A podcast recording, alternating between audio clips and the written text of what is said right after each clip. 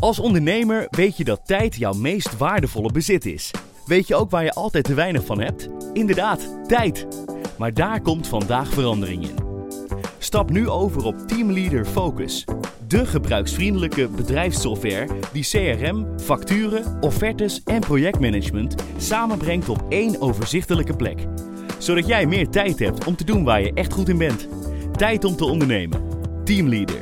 Kijk op focusopjebedrijf.nl stoere woorden van Bob Boekstra. Maar wat wil hij nou eigenlijk? Dit is de politieke podcast van De Telegraaf. Dat je ineens op een meter afstand van Ursula stond en ik keek haar in de ogen en ik glimlachte maar. Afhameren met Wouter de Winter en Pim CD. Ja, politiek commentator Wouter de Winter. Ik zit hier klaar met gebakjes, taart, koffie, mijn goede humeur. Echt zo niet waar. maar je bent er niet. Ik zie helemaal geen taart nee. op, op, op, via onze verbinding. Nee, ik ben in Brussel. Oh. Ik uh, was uitgenodigd door onze correspondent uh, Alexander Bakker om een keer te komen kijken hoe zo'n Europese Raad uh, werkt. Waar de, ja, de regeringsleiders elkaar eens in de zoveel maanden zien om de horloges gelijk te zetten. Ja. ja, dit kwam gewoon goed uit in de agenda. En uh, we dachten ook van, nou, misschien gaat het ook nog over migratie. Maar goed, er is net een migratietop geweest vorige maand. Dus je merkt dat, dat daardoor, dat zegt ook iedereen, van nou, het is maar een suffe top. En het is allemaal maar niet zo belangrijk. En uh, ze waren ook heel vroeg klaar, namelijk om uurtje of negen of zo. Wat een soort record uh, schijnt. Oh ja. Hier, het is hier pas een top als je er om half vier of zo een beetje mee ophoudt. Maar goed, voor mij was dat dus wel prettig. Want dan kon je ook gewoon bij tijds naar bed en bij tijds wakker worden om om afhamer op te nemen. Overigens wel net uit het raam gekeken en daar reed wel de minister-president met zijn gevolg in kolonne richting dat, dat gebouw dan waar ze gaan zitten. Het ei, zoals dat dan heet. Ja. En een gebouw met een soort, ja, soort ei in het midden lijkt van de buitenkant. Dat is dan toch wel grappig. En uh, daarna kwam Macron. En als Macron zich door de stad verplaatst, dan gaan er ook allemaal helikopters vliegen. Dus dan weet je dat de Franse president aanstaande is. Ja, zo leer je wat hier. Ja, super interessant allemaal. Potverdorie. Veel gaande daar. Je hebt niet Frans Timmermans even opgehaald om met de taxi naar uh, Nederland te komen om op audiëntie bij Caroline van der Plas te komen? Nee, want Frans Timmermans zit weer in een ander gebouw. En daar kan je dan weer niet zomaar in. Dan moet je dan weer uitgenodigd worden. Dus die zit hier in een soort, in een soort kasteel. Wel vlakbij overigens uh, dit hotel en ook het gebouw waar uh, de Europese regeringsleiders nu zitten. Uh, ik heb me wel laten vertellen, want ja, zo, je praat toch wel wat mensen her en der. En dan hoor je wel van, nou ja, dat tussen Timmermans en Ursula von der Leyen niet heel erg botert. Oh. Dus dat die elkaar niet heel erg uh, mogen. Misschien omdat ze alle twee iets te ambitieus zijn. Nou ja, Frans Timmermans was natuurlijk Jean-Claude Juncker uh, gewend. Ja. Door zijn partijgenoot natuurlijk uh, ooit omschreven als een soort zus Antigoon. die permanent in de olie zat. Nou, Ursula is van andere categorie, want die kwam ik dus gisteren toevallig tegen. Ja, Ja. Want when in Rome, hè, je komt de sterren hier gewoon in, Ja. eh, in, in het Brusselse tegen. Dus ik, ik, ik, nou ja, je moet je voorstellen, de Europese Raad was, eh, was afgelopen. En dan gaat Rutte dus samen met nog een enkel ander regeringsleider, die van Slowakije, die van, van België, die deed ook nog wat met journalisten. Maar die gaat dan terug naar de plek waar die eh, s ochtends ook binnenkomt, zeg maar. Dus dat is die lange galerij met die rode loper, dat herken je misschien wel van Mhm. de televisie. Die gaat dan nog eventjes vertellen wat er besproken is binnen. Wat best transparant is als je het vergelijkt met die andere regeringsleiders die eh, in hun gepantserde bolide hier wegcrossen en, en die journalisten allemaal eh, niet meer te woord staan. En dus ook hun bevolking niet vertellen wat ze die dag hebben besproken. Ja, dat is wel, wel grappig. En dan komt, dan komt Rutte dus terug. Wij moesten dus teruglopen naar dat plekje waar ze eigenlijk binnenkomen. En dan loop je eigenlijk tegen de stroom in van de regeringsleiders. Dus eerst werd ons al de toegang ontzegd tot een bepaalde gang. Omdat de groothertogin uh, Ursula von der Leyen, de tweede, of de eerste eigenlijk, aanstaande was. Dus nou, dan, dan, hè, dan word je dus echt aan de kant gemapt. Want die mevrouw kan kennelijk niet door gangen lopen waar ook andere mensen komen. Maar ja, onze uh, razende reporter Alexander, die kent het hier... Uh, het Brussels hier op zijn duimpje. Dus we hadden een andere weg gevonden. En uh, ineens stond weet je, een beetje net als die Indiana Jones en The Last Crusade, weet je wel, die, die scène met Harrison Ford. Ja. Die is dan op zoek naar zijn vader daar in, dat, uh, in Berlijn. En dan heeft hij dat dagboek van zijn vader heeft hij in zijn hand.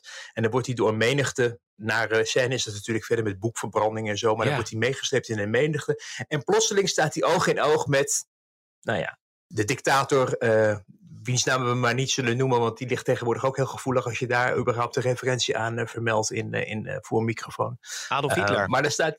Ja, je kopt hem goed in. Ja. En je staat er oog in oog ineens. Stond, staat hij daarmee en als, dan doet hij een handtekening in dat dagboek. En dan Ja. is, hij, is Harrison Ford, Indiana Jones, bijna wel verbouwd. Dat, dat hij nou ja, één op één eh, ineens eh, hem in zijn ogen kijkt. Nou, zo'n moment had ik dus gisteren. Dus echt uit de filmserie. Dat je ineens op een meter afstand van Ursula stond. En ik keek haar in de ogen en ik glimlachte maar. Want ik dacht, ja, wat doe je achter? En door haar plamuur heen keek ze mij aan, een beetje verwonderd. En vervolgde ze haar conversatie in het Duits en liep ze door. Dus dat was Oh. mijn, mijn moment met Ursula. Jemig. Het is een lange inleiding, maar ik, ik vond het toch wel grappig. Nee, dat is zeker interessant. Maar ja, goed, we gaan natuurlijk uitgebreid praten over de gevolgen van de provinciale statenverkiezingen in Den Haag. Want er is heel veel aan de hand. Maar je geeft zoveel eh, dingen aan die al boeiend zijn. Want eh, die verhouding tussen Van der Leyen en Timmermans, die, die twee ambitieuze mensen. Wat weet jij meer? Nou, Timmermans was natuurlijk degene die, die ehm, omdat ja, Juncker toch ook wel een, een toch wat oudere eh, laatste baan eh, politicus was. En ehm, had hij heel veel speelruimte en heel veel podium. En kon hij zich echt als een soort eh, grote meneer eh, natuurlijk manifesteren. En je ziet dat Ursula zelf, ja, ik noem maar gewoon Ursula, want wie heet er nou Ursula? Dat is toch leuk om daar aan te refereren. Ja, Eh, dus, dus Ursula die laat zich niet de kaas van het brood eten. Dus die gaat gewoon zelf overal naartoe. En die gaat zelf onderhandelen. En gaat zelf op alle plaatjes en fotosessies vooraan staan. De reden waarom wij dus ook niet via onze gebruikelijke weg naar Rutte konden komen gisteren, was omdat de boel werd afgezet, zodat zij, begrepen wij, een hand kon schudden van meneer Scholz, de bondskanselier van Duitsland, in de nabijheid van heel veel journalisten, zodat heel veel journalisten zagen hoe goed ze wel niet was met die Scholz. En het, het rumor has it hier in Den Haag, Romeina, in Brussel, dat ze eenzelfde gezellige relatie probeert te intensiveren met Macron, omdat Ja. haar verkiezing, haar herverkiezing op het spel staat volgend jaar. En dat het dus zaak is om de twee machtigste landen in Europa aan je binden. En daardoor moeten er zoveel mogelijk worden, kennelijk worden uitgestraald dat Frankrijk en Duitsland en Ursula uitstekend met elkaar allemaal door een deur kunnen, waarin Ursula natuurlijk een soort centrale rol speelt, die dan eh, kennelijk eh, voor zichzelf ziet weggelegd, in de hoop dat ze straks nog een rondje mee kan. Dus die heeft helemaal geen behoefte meer aan Timmermans de hele tijd die door het beeld loopt. Die eh, wil het gewoon zelf doen. ja. En dus eh, mag, mag Frans Timmermans zijn dagen vullen met het ontvangen van eh, parlementariërs uit Den Haag kennelijk. Ja, het is ontzettend boeiend wat daar allemaal gebeurt. al ben je maar alleen in Brussel. Om inderdaad ook de Nederlandse bewindslieden te kunnen spreken. Want Rutte die kondigde volgens mij daar ook aan. dat er aanstaande dinsdag een overleg plaatsvindt met de eh, om de verkiezingsuitslag te bespreken. En het was kort nadat de Telegraaf zelf met een verhaal kwam over onrust sluimert in de VVD. Kijk eens in het hoofd van Rutte. Wa- wa- wat is hij nu allemaal aan het bekokstoven bedenken om die verkiezingsuitslag een plek te kunnen geven en door te kunnen gaan met dit kabinet? Nou ja, je kan wel eh, concluderen dat op het moment dat er een verhaal verschijnt. Hè, de collega's in Den Haag hadden daar ook al eerder, ook bij Rutte, dus bij de RVD, dan over aan de bel getrokken. Wat de stand van zaken nou was. Hè? Want je zag eigenlijk dat per dag ongeveer de sfeer in de coalitie aan het verslechteren was. Met als wonderlijk dieptepunt eh, woensdagavond natuurlijk, toen er een Kamerlid van het CDA tegen Tjeerd de Groot zei dat hij eh, ongeveer niet goed bij zijn hoofd was. Ik twijfel weer aan de verstandelijke vermogens van de heer Tjeerd de Groot. Als hij deze motie indient. Ja. nou ja, Tjeerd de Groot ook zijn collega's uit de coalitie van onwettige dingen beschuldigen. Dat zijn toch termen waarvan je ziet dat zagrijn gewoon eerder toeneemt dan afneemt. Dus, en je hoorde ook achter de schermen, maar daar zal het zo over hebben, misschien om even per partij af te gaan, hoe nou iedereen in de wedstrijd zit. Maar je ziet dat het, het wagentje van de rails aan het lopen is, of het wagonnetje moeten we zeggen. En dat zag Rutte natuurlijk ook. En Rutte heeft de afgelopen dagen ook wel veel gebeld. eh, ook al op de dagen, ehm, de verkiezingsavond en ook daarna. En die gesprekken, die begrijp ik, verlopen wel naar behoren. Niet in, in een ruzieachtige sfeer of zo. Maar ja, men zit natuurlijk wel met, met de verkiezingsuitslag, met impact, die eh, ja, in ieder geval voor het stikstofbeleid vrij groot zal zijn. En volgens Wopke Hoekstra van het CDA is die impact nog veel groter. Namelijk ook op andere dossiers eh, van belang, om daar Mhm. rekening mee te houden. Dus je zag dat Rutte ook wel, wel ja, dat begrijp ik ook wel, zich aan het zorgen maken was van ja, hoe eindigt dit? Hoe komen we hieruit? En er was natuurlijk eigenlijk gepland om daar dinsdag over te spreken met eh, de vicepremiers en de premier eh, in, hun, in hun wekelijkse lunch. Maar Hoekstra zat toen in Brussel, dus dat kon dan niet. Het kan natuurlijk allemaal wel virtueel, maar het is toch goed om dit soort da- dingen elkaar in de ogen te kijken. Dus op het moment dat er dan blijkt dat nadat je je licht hebt opgestoken bij het CDA en bij D66, maar je ook begint te zien dat bij de VVD mensen ook onrustiger worden. En uh, nou ja, dat is, soms is dat betrokkenheid, maar vaak ook zeker in een, in een fractie is dat omdat men ook wel doorheeft dat als een kabinet ten val komt, dat het dan ook einde oefening is voor de ja, Tweede Kamercarrière van tenminste de helft van de VVD-fractie. Ja. Uh, die vanwege een mogelijk krimpend zetelaantal dan wel omdat ze al een aantal rondjes zijn meegegaan, het veld zullen moeten ruimen. Dus dat begint dan voor het eerst in jaren daar ook even te spelen. Hmm. En niet alleen trouwens in de fractie, maar ook in de provincies, waar men ziet dat de boel aan het krimpen is, waar men ziet dat men het met minder zetels, minder invloed moet, moet doen, ook al lijkt mij de kans groot dat de VVD nog op veel plekken in veel collegebesturen terugkomt hoor. Maar je ziet dat op het moment dat het slecht gaat met de verkiezingsuitslag, dat dat ook betekent dat in de achterban de bestuurders, de volksvertegenwoordigers wat nerveuzer raken en zich zorgen gaan maken, zich gaan roeren. En dat zie je uh, ook wel bij de VVD gebeuren. Dat er ineens wordt nagedacht over wat doen we eigenlijk als het kabinet valt. En wie gaat dan eigenlijk de lijsttrekker worden? Ja. Kan Rutte dat nog wel doen of niet? Moeten we daar niet eens over nadenken? Kortom, dat begint dan voorzichtig daar ook wel te spelen. Hoewel het niet in verhouding staat, zeg ik er wel bij tot wat er gebeurt bij bijvoorbeeld het CDA. Ja. En de onrust die daar uh, is. Ja. Nou, lange aanloop. Rutte die heeft dus gemeend, toen ook dat die berichtgeving, begrijp ik, ook uh, verscheen wel gemeend om in ieder geval publiekelijk ook een bericht de deur uit te doen om aan te geven dat hierover gesproken gaat worden. Dat is op zich niet ongebruikelijk voor minister-president, want de eenheid van kabinetsbeleid, het bewaken daarvan, dat is zijn pakje Jan. En je ziet gewoon dat de ene vicepremier de ene week zegt van, nou ja, we kunnen zo niet verder, het roer moet om. En de andere zegt van, nou ja, we houden vast aan wat we hebben afgesproken. Ja, dan is het duidelijk dat er een onduidelijke koers is die het kabinet aan het varen is. Van wat doen we nou? En dat speelkwartier, wat dan na de verkiezingen eigenlijk wordt ingelast zodat iedereen een rouwverwerking kan doen, dat is op een gegeven moment natuurlijk wel eindig. Dus dan moet, wordt ook van Rutte verwacht, ook zijn werk, om de boel bij elkaar te brengen en erover te gaan praten van ja, welke kant willen we nou ja. eigenlijk op? Ja. Ja. Misschien ook een beetje aan de late kant overigens hoor. Want het is nu, op het moment dat ze erover gaan spreken, zijn we bijna twee weken na de verkiezingen. En die twee weken hebben de coalitie volgens mij niet goed gedaan. Dus het is wel nodig dat dit gesprek gaat plaatsvinden. Denk ja, want dat vind ik wel heel opvallend toch. Als je kijkt naar hoe de uh, coalitiepartijen zich tot elkaar uh, verhouden. Kijk, je kunt natuurlijk... Uh, ja, de verkiezingsuitslag moeten verwerken als D66, CDA, noem het maar. Maar dat Gimwis uh, van ChristenUnie, Tjeer de Groot, uh, Boswijk... elkaar zo publiekelijk de maat nemen in zulke felle bewoordingen... Dat is toch wel gek, vind ik ergens. Want je zou toch ook kunnen zeggen dat de partijleiders dan moeten zeggen... van jongens, hou je nou een beetje gedijst. Want, want ja. ja ze vliegen elkaar nog net niet in de haren. Dat is bij Groot wat moeilijk. Ja, dat is ook alweer zo. Zijn eigen vat. Maar ben jij daar niet nee. over verbaasd? Want het is, ze moeten natuurlijk wel ook hun partijprofiel bewaken. Dat, dat snap ik wel. Maar ja, het gaat er nou niet heel prettig aan toe.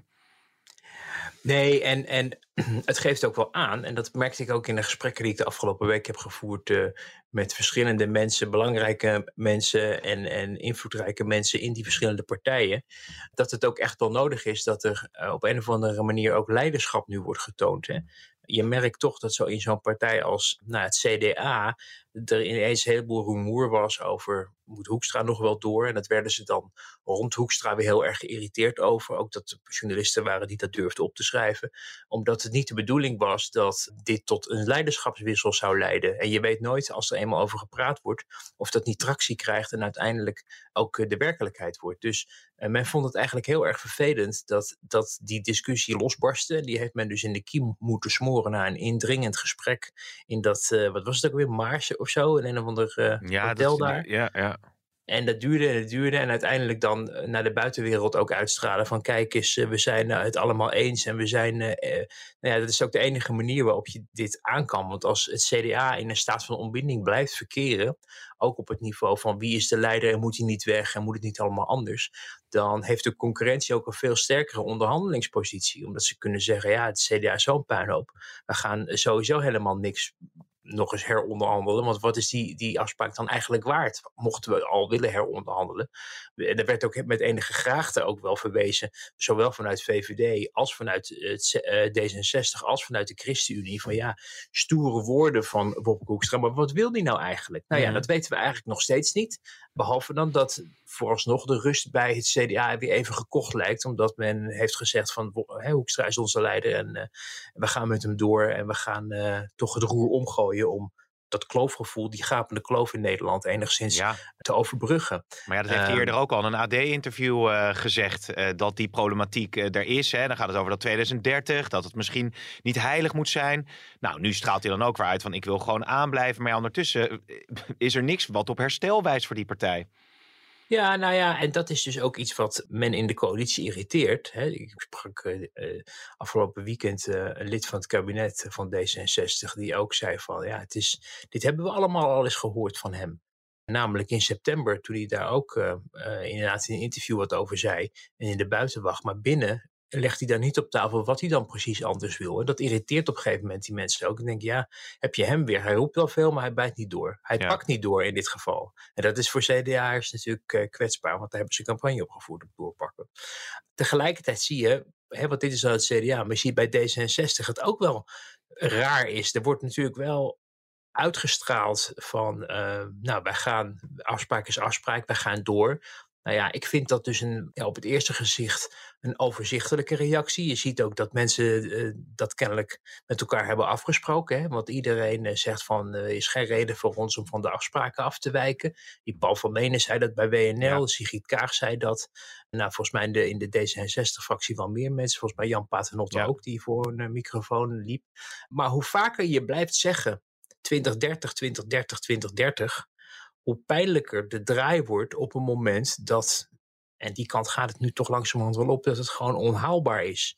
Hè, je kan het wel met elkaar in Den Haag aan de formatietafel afspreken, maar als jij niet op, onder, over voldoende middelen beschikt, politieke middelen, om het voor elkaar te krijgen, dan is op een gegeven moment duidelijk dat je het niet gaat halen. En Hmm. dat, dat is ook niet dus alleen maar afhankelijk van of de coalitie in Den Haag dat wil, maar bijvoorbeeld ook of de provinciebesturen bij machten zijn om dat voor elkaar te krijgen. En aangezien BBB in alle provincies de grootste is geworden en de kans groot is dat die of in de provinciebesturen komen of daar een enorme invloed op uitoefenen omdat zij ja, zo groot zijn geworden, ja, dan is het, is het en dat hoor je ook in Den Haag, ook op het niveau van ministers, dat het eigenlijk sowieso 2030 onhaalbaar is. Nou, als dat een nieuwe politieke realiteit is, die niet eens dus afgedwongen is dan door het CDA, maar gewoon omdat je bijvoorbeeld ook LTO hoort roepen, wij zetten onze handtekening niet onder het eh, eh, landbouwakkoord. Agactie is er alweer uit. En ze hebben dat landbouwakkoord wel nodig als ze ook maar iets willen bereiken. Niet alleen op stikstof, eh, maar eigenlijk vooral op, op, ook op klimaat en het terugbrengen van het aantal dieren in Nederland. Dus hoe vaker je blijft roepen op een moment dat een politieke werkelijkheid is veranderd en je blijft hameren op wat, dat jij nog steeds dit vindt en aan totempalen met jaartallen gaat hangen, dan is de kans alleen maar groter dat je straks aan je kiezers moet uitleggen dat wat je vorige week nog vond ineens van tafel Ja. is. Ik moet in één keer terugdenken, Wouter. eh, Sorry dat ik je onderbreek, maar eh, aan het woord eh, pragmatisme. Dat was toch iets wat D66 eh, heel erg kenmerkte eh, in het verleden. Daar werden ze eigenlijk ook wel eens negatief over bejegend. Hè? Van ja, wat is nou eigenlijk wat jullie willen? Maar dat was wel vaak hoe ze uit eh, politieke impasses eh, konden komen. Met als doel uitwegen vinden in moeilijke dossiers. Maar als ze dus hier aan blijven vasthouden, die 2030, ja, dan knalt het kabinet gewoon tegen de muur aan dus.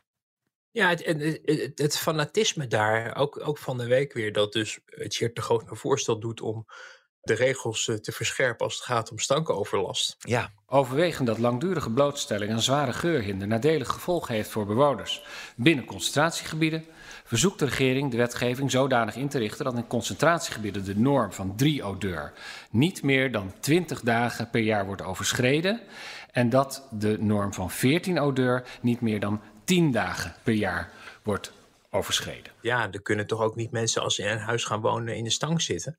Klinkt sympathiek, maar hoe meer je wettelijk gaat vastleggen, hoe moeilijker het op een gegeven moment wordt om nog maar iets natuurlijk in het land voor elkaar te krijgen. Want dat zie je ook, dat we ons ontzettend nu in onze, in onze wiek aan het schieten zijn met betrekking tot stikstof. En het feit dat Nederland als ongeveer het enige land wel de stikstofcijfers doorgeeft aan Brussel. Waar, waar de rest van Brussel dat niet doet. En wij zijn gekke Henkie of brave Hendrik eigenlijk in dit geval. Mhm.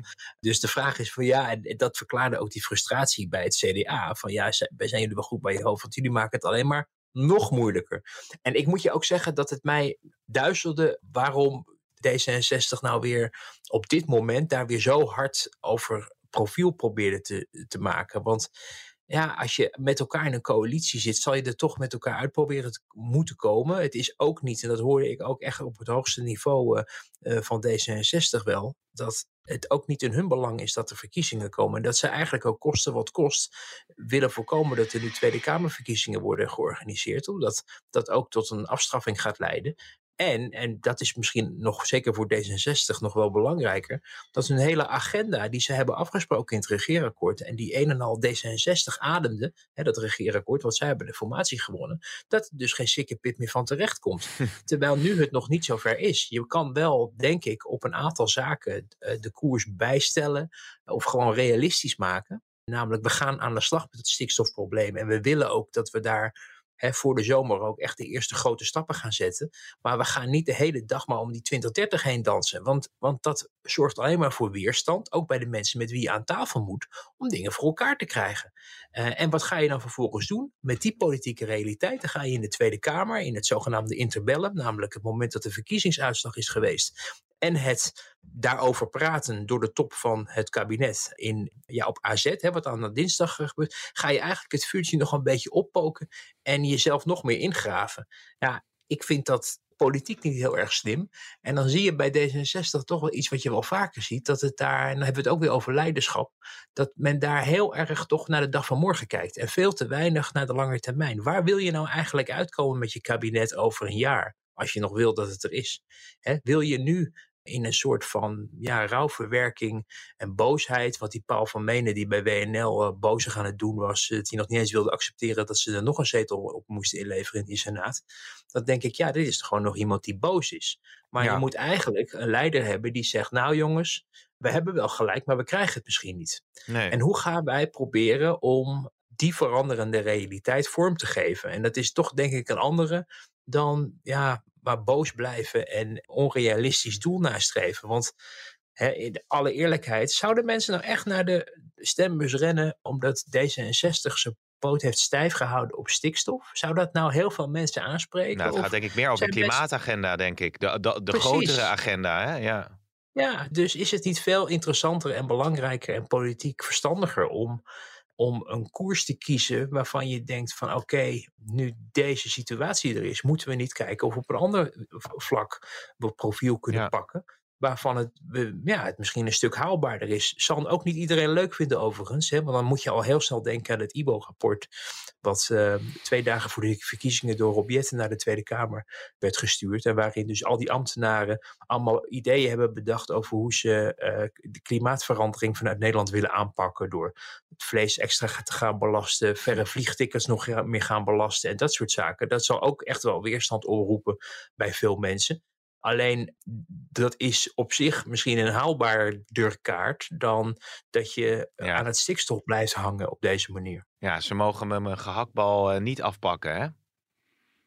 En hij zegt niks nou ja, wat, meer, wat, meer voor betalen. Dat, dat, uh, uh, alleen, ik, ja, ik vind dat zelf... Ja, bedoel, wij zitten in een gelukkige omstandigheid... dat het ons denk ik niet heel erg veel zou uitmaken.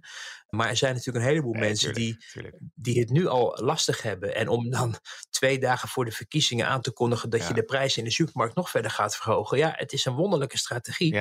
Maar er zijn misschien, denk ik wel meer mensen die vanwege dat klimaatagenda hun, hun, hun stemkeuze bepalen dan of het nou 2030, 2031, 2032 of 2035 wordt met stikstof. Prikkelend noemde uh, Rob Jette het. Dus dat wordt allemaal vervolgd wat er met het rapport uh, gaat gebeuren.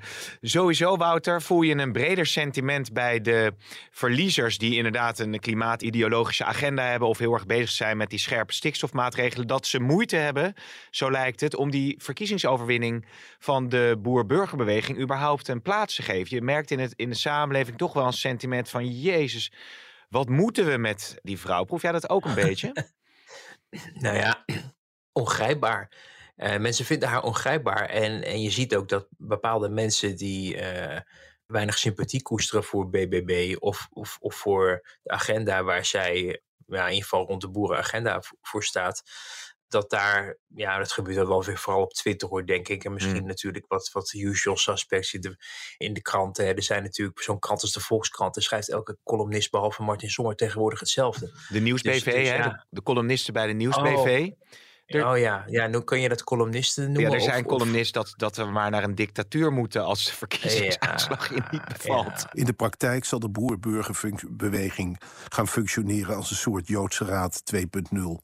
Ze zal moeten meewerken aan de eliminatie van de eigen achterban. Met zo'n uitslag begin je toch bijna te verlangen naar een dictatuur. Ik hoop maar dat ze het dan eh, prodeo doen, die, dat ze er geen geld voor krijgen van de publieke omroep. om dit soort kletsika over de, over de.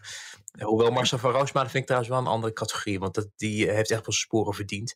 Zeker. En eh, iedereen die maakt wel eens, eh, ja, zegt wel eens wat dat je denkt achteraf van, nou ja, had dat nou niet anders gekund. Maar die mevrouw die, die over, waar had ze het ook alweer over? Die, Nou ja, ze zei van, eh, ja, de- ze was zo teleurgesteld in dat de BBB zo groot was geworden, dat er wat dat betreft gewoon maar beter een dictatuur kon, eh, kon komen.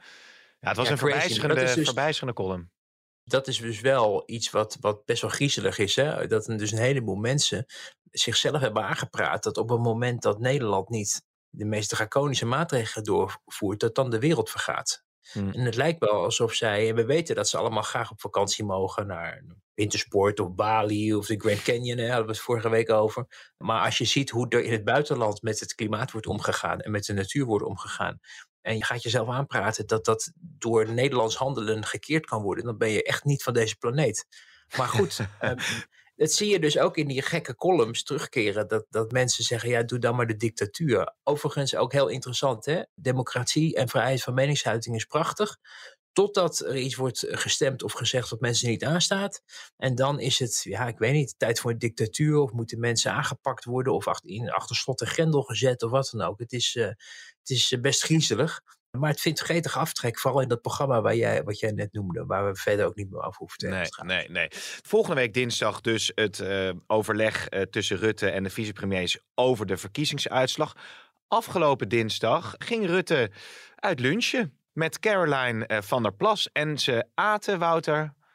Thaise pompoensoep. Ja, ik heb dat toen aan de, aan de ober gevraagd. Wat ze, oh, dat mag niet, dan geef ik een bronprijs. Waar blijft die tegel voor jou? Ja, Thaise pompoensoep eh, was dat. Daar had ik het goed onthouden wat Wel- je had verteld. Wel Ja. aardig om nog even inderdaad eh, eh, anekdotisch te vertellen hoe dat ging. Want we hadden de politieke redactie van de Telegraaf was ter oren gekomen dat er inderdaad een ontmoeting zou zijn tussen Van der Plas en Rutte. In Wassenaar, geheime lunch. Heel het Haagse Journaal was op zoek naar de locatie waar dat was. Nou, dat hebben we uiteindelijk weten te achterhalen. Rutte was al weg. Maar Van der Plas die kwam daar aanrijden in haar, geloof hybride of eh, elektrische auto. Dat vond ik dan ook alweer geestig. Met Henk, haar steun. Ik dacht en- dat ze werd gereden. Ja, maar de, de, inderdaad. Door Henk, haar steun en toeverlaat eh, Ja. was dat ja. eh, inderdaad. En wij konden haar daar opwachten en, eh, en spreken over die ontmoeting met Rutte. Nou ja, ik vind het wel belangrijk om eh, te praten over de verkiezingsuitslag. En eh, nou ja, hoe dat geland is.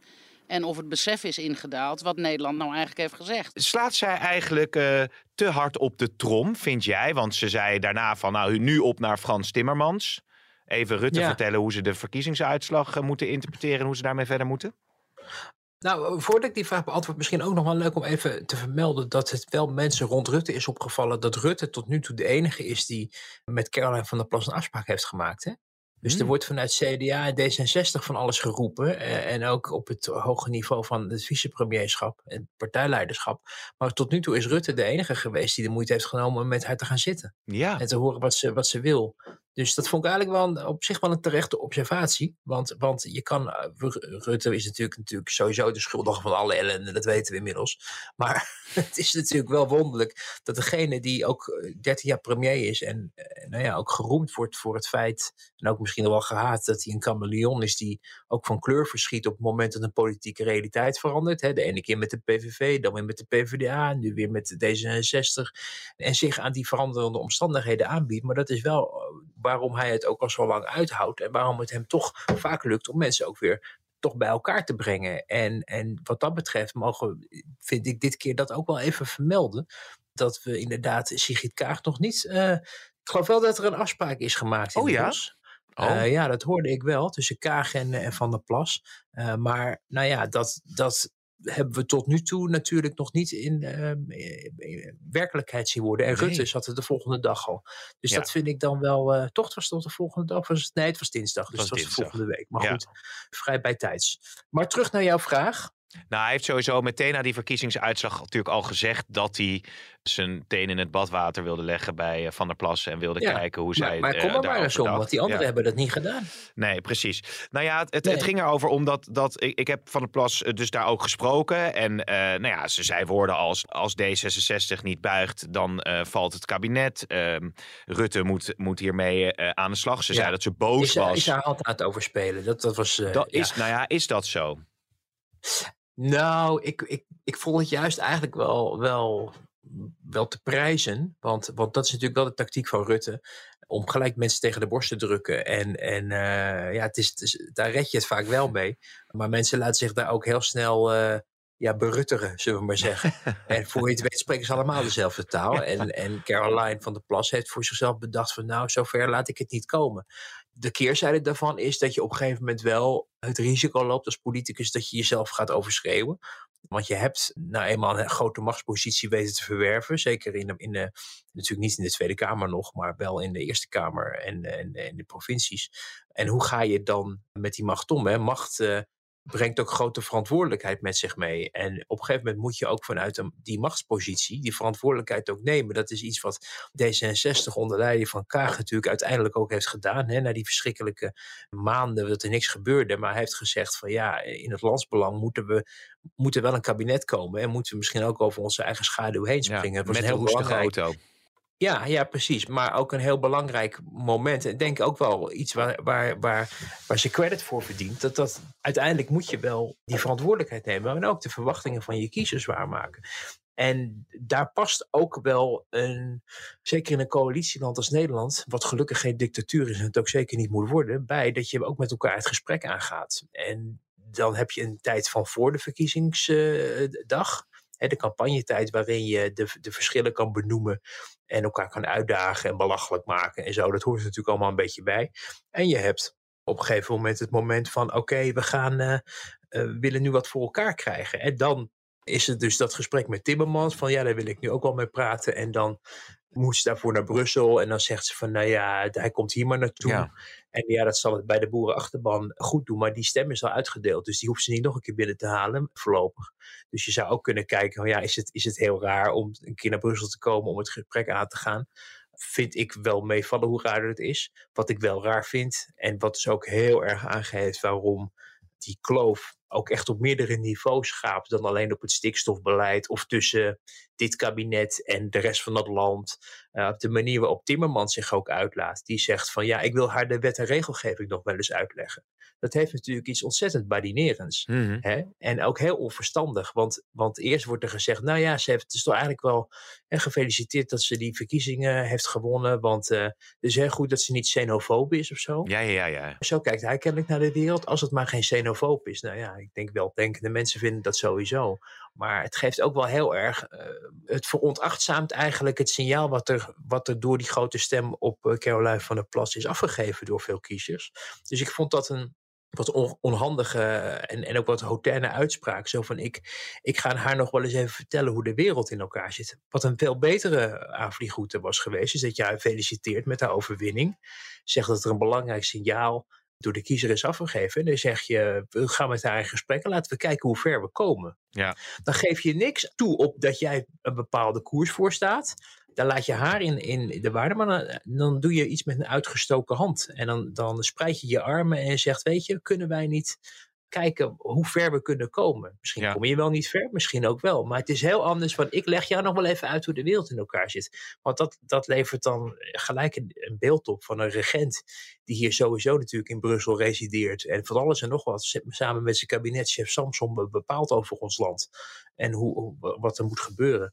Zonder dat je eigenlijk kan afvragen... of zonder dat, je, zonder dat eigenlijk door Samsung is niet gekozen. Timmermans natuurlijk wel voor het Europees Parlement, maar ook niet als eurocommissaris. Hij is gewoon natuurlijk door Nederland naar voren geschoven. Ja, ja, dus daar, daar ja. valt ook wel een beetje iets op af te dingen over hoe je je denkt te kunnen verhouden tot. Um, in dit geval dan Nederland. Ja, hoe kijk je eigenlijk naar Samson? Er uh, was volgens mij ook afgelopen week in het nieuws dat hij ook dat, dat, dat woord onteigenen had gebruikt. Um, hij lijkt wel, en Timmermans dus ook, betrokken met de manier waarop Nederland al dan niet die stikstofcrisis aan moet gaan pakken. Zij, zij, hebben zij daarin een te prominente rol?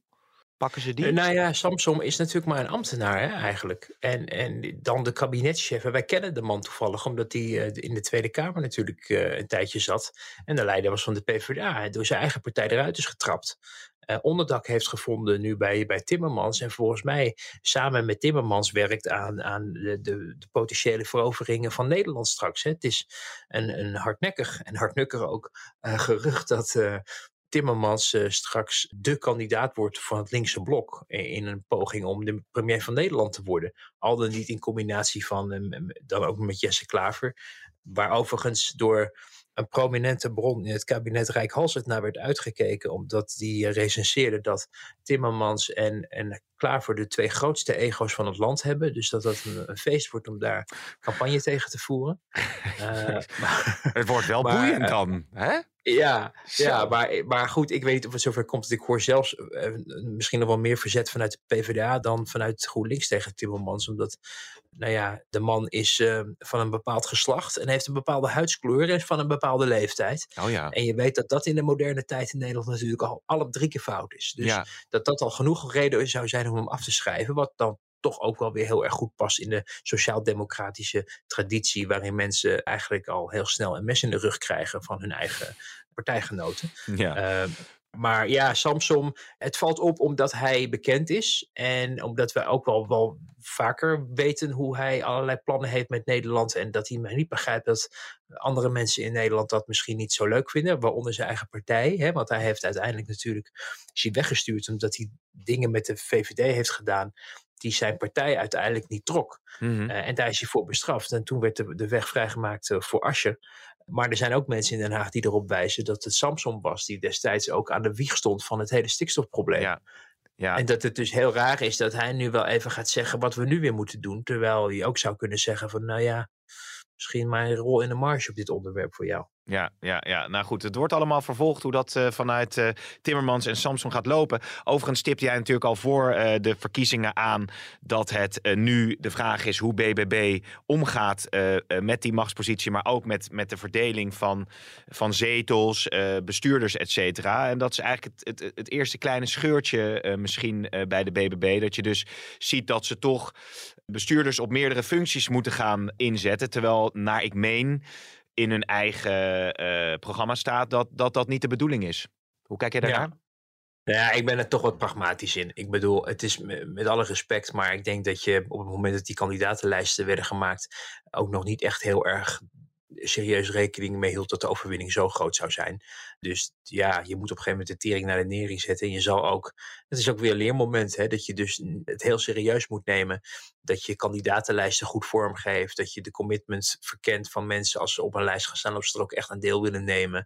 Dat je genoeg mensen hebt die capabel zijn. Maar een jonge partij, ik vind in dit geval het is een goede les, want het geeft aan dat wat zij anderen verwijt, van wij gaan het helemaal anders doen, dat het uiteindelijk de praktijk weer barstiger blijkt. Dat al die andere partijen die dat ook hebben gedaan, daar vaak ook mee te maken hebben gehad. Tegelijkertijd, een jonge partij, het is ongelooflijk moeilijk om een goed functionerende, ge geoliede politieke partij niet alleen op te richten, maar dan een voet tussen de deur te krijgen in het parlement en ook geloofwaardig te blijven en niet met ruzie uit elkaar te gaan elkaar de tent uit te vechten. Dat kost zo onmetelijk veel energie. Zeker voor een eenmansfractie, wat, wat PBB natuurlijk nu in de Tweede Kamer is. En partijleider en boegbeeld en alles erop en eraan. Dat ik vind dat je wel af en toe een beetje wel mag denken van nou, goede pijnen. Hè? Kijk, de volgende keer dat het gebeurt, hè, over vier jaar, dan, dan vind ik wel dat die uh, Ja. witte broodsjaren voorbij Ja. zijn. Maar het moet je niet onderschatten hoe ingewikkeld het is om in zoveel plekken in het land ineens eh, ja, zo nadrukkelijk aanwezig te zijn politiek. Met de juiste mensen en voldoende mensen en zo. Dus dat hoort ook een beetje bij het feit dat het een jonge en nieuwe partij is. Maar ook, ook wel even, eh, geeft ook wel aan dat de grote mond over hoe andere partijen zich gedragen en, en handelen.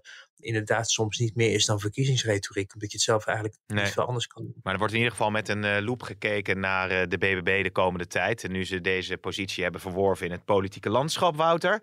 Ik heb het er niet eens eh, over gehad hoe jij er eigenlijk bij zit daar. Want ik zie jou nou wel zitten, maar waar, waar, waar zit je? Überhaupt. het wel netjes, Pim? Nee, ja, nee, zeker. Nou ja, jij, jij bent natuurlijk altijd onberispelijk gekleed, Wouter. Daar, daar Ja, hoeft de ik- luisteraar niet ik- aan te twijfelen. Ik, zit nu, ik zit nu in, een, in zeg maar het halletje tussen de hotelkamer en de deur in. Daar zit een soort langwerpig halletje. En dat uh, heb ik de, de, de, microfoon op het lege minibartje neergezet. Omdat hier beter bereik is dan Ja. in de hotelkamer zelf. Drie Dus ik hoor streepjes, de hè? hele tijd het kamermeisje of kamermeneertje. Of ja, kamerjongetje wat dingen aan het schoonmaken is. Hoor ik stofzuigen achter me. En allerlei andere dingen in de hal. Ja. Eh, maar dat is de charme van de podcast. Dat je, net als met radio, je moet nooit weten wie er achter eh, de microfoon zit en hoe. Maar mensen dan kunnen dan gewoon luisteren. Oké, is er verder nog eh, iets wat jij eh, met de luisteraars wil eh, delen? Anders dan spreken wij elkaar natuurlijk eh, dinsdag weer. Dat wordt ongetwijfeld weer een eh, spannende politieke week volgende week. Heb je nog iets op je Ja, hart? ja, volgende week wordt wel, wordt wel een moment waar wel een knoop moet worden doorgehakt natuurlijk over de toekomst van het kabinet. Want Rutte die bagatelliseert het, hè. Wat hij zegt van ja, we, we gaan een verkiezingsuitslag bespreken en we gaan hè, twee dingen over de kloof en wat het SCP daarover schrijft allemaal. Ik denk dat het laatste vooral op voorspraak van Hoekstra is geweest. Mhm. Dat hij zegt, we moeten het er echt over hebben. Want we horen hem de hele tijd over die kloof eh, praten. Maar je kan niet op deze manier blijven regeren. Waar je elkaar zo nadrukkelijk de tent aan het uitvechten bent. En waar er ook door, in ieder geval ook de Hoekstra, wordt gesuggereerd dat het kabinetsbeleid eh, eh, anders moet. Dus Ja. de vraag is, hoe krijgt dat dan vorm? Moet er bijvoorbeeld een, een tussenformatie komen? Na eh, een jaar, anderhalf jaar, hè, waarin men toch nog eens gaat denken van moeten we een aantal dingen niet, als, moeten we daar geen nieuwe afspraken eh, over maken die voor iedereen te dragen zijn. Dat zou een, een uitkomst eh, kunnen worden. Het kan ook als de partijen denken van nou ja, we gaan geen centimeter naar elkaar toe bewegen. Dat het, dat het ja, toch echt wel het begin van het einde is van het kabinet. Dus dat in principe alles natuurlijk, want we weten nooit wanneer dat einde dan zal zijn.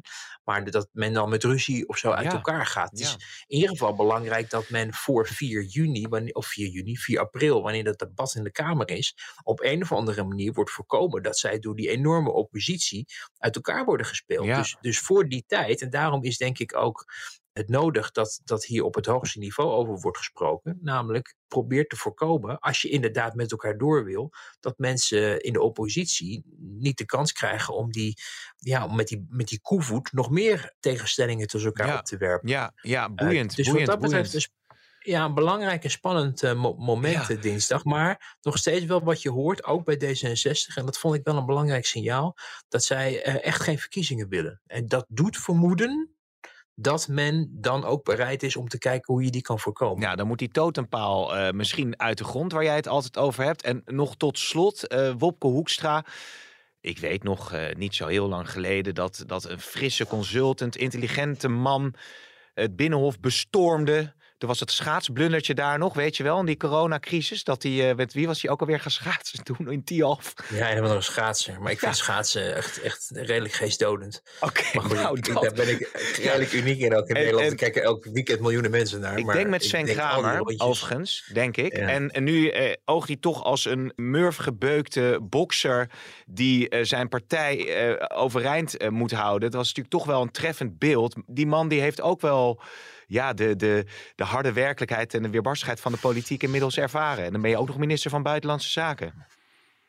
Ja, en er zijn ook een aantal andere dingen die daar meespelen. Namelijk dat hij dit, en dat, dat, dat hoorde je van de week ook wel in, in hoge CDA-kringen terug. Hij is gevraagd, er is een dringend beroep op hem gedaan door zijn partij om zich beschikbaar te stellen om lijsttrekker te worden. Terwijl hij eerder daarvoor bedankt. Ja. Dus er wordt nu ook gezegd van als wij als partij van hem vragen om dat te doen.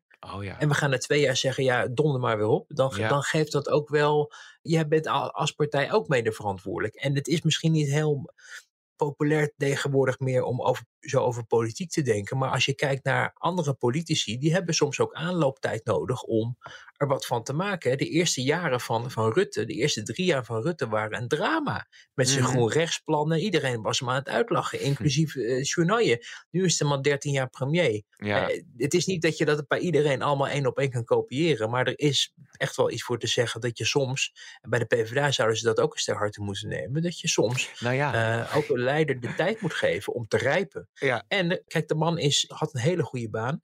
Kan ook morgen ontslag nemen en in de raad van bestuur van een of andere financiële instelling komen. Waar hij het, het, het twintigvoudige gaat verdienen. Dus dit is ook voor hem echt wel iets wat hij doet voor zijn partij. Dat vindt hij ook belangrijk om te doen. En als ze hem niet willen, veel plezier ermee, dan gaat hij leuk wat Ja. anders doen. Dus hij zit daar ook niet heel erg op die manier aan, aan een soort politiek plusje gekleefd. Dus dat is een, een, een, een, uh, een belangrijk gegeven. En er is nog een ander ding wat op de horizon natuurlijk gloort. Op het moment dat er een einde komt aan het tijdperk Rutte. En dat moment wordt ook in de VVD erkend. Dat komt langzamerhand toch wel dichterbij. En er wordt tegelijkertijd ook verondersteld dat Kaag dit rondje afmaakt, maar niet nog een keer wil gaan doen.